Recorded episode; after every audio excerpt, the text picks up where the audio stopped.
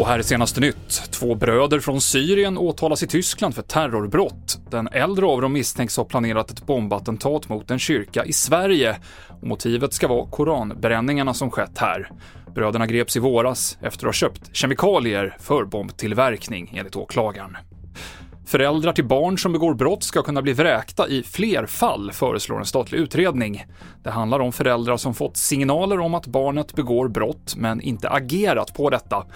Idag så kan hyresgäster vräkas på grund av brottslighet som kopplas till själva lägenheten, men utredaren föreslår att även brott som begås i närområdet ska vara grund för uppsägning. Det är ett stort problem med otrygghet och vi har ju tittat särskilt på utsatta områden och där är det så att hyresrätten är en dominerande bostadsform.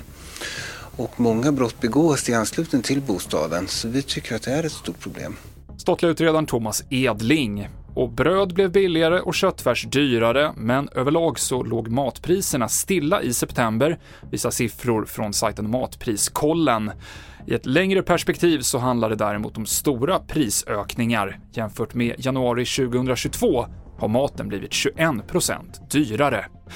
Det avslutar TV4-nyheterna med Mikael Klintevall.